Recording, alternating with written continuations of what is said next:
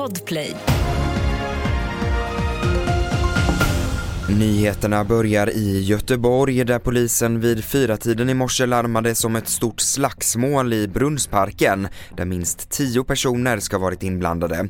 Två poliser som försökte ingripa efter att de gått av sitt pass skadades lindrigt och även ytterligare en person har utsatts för våld. En man i 20-årsåldern är gripen misstänkt för våld mot tjänsteman. FNs generalsekreterare Antonio Guterres kommenterar nu anklagelserna om det palestinska flyktingorganet UNRWA som av Israel anklagas för att ha anställda med kopplingar till terrorstämplade Hamas. Antonio Guterres säger att en utredning kommer att starta och att alla anställda som är inblandade i terrordåd kommer ställas till svars. Flera länder har stoppat sitt bistånd till organet och den svenska regeringen följer utvecklingen. För första gången syns Sverigedemokraternas partiledare Jimmy Åkesson mer i nyhetsmedier än Socialdemokraternas Magdalena Andersson. Det visar Sveriges Radios Ekots mediemätning.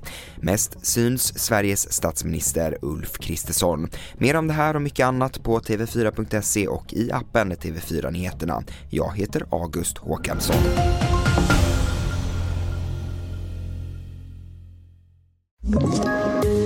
poddtips från Podplay.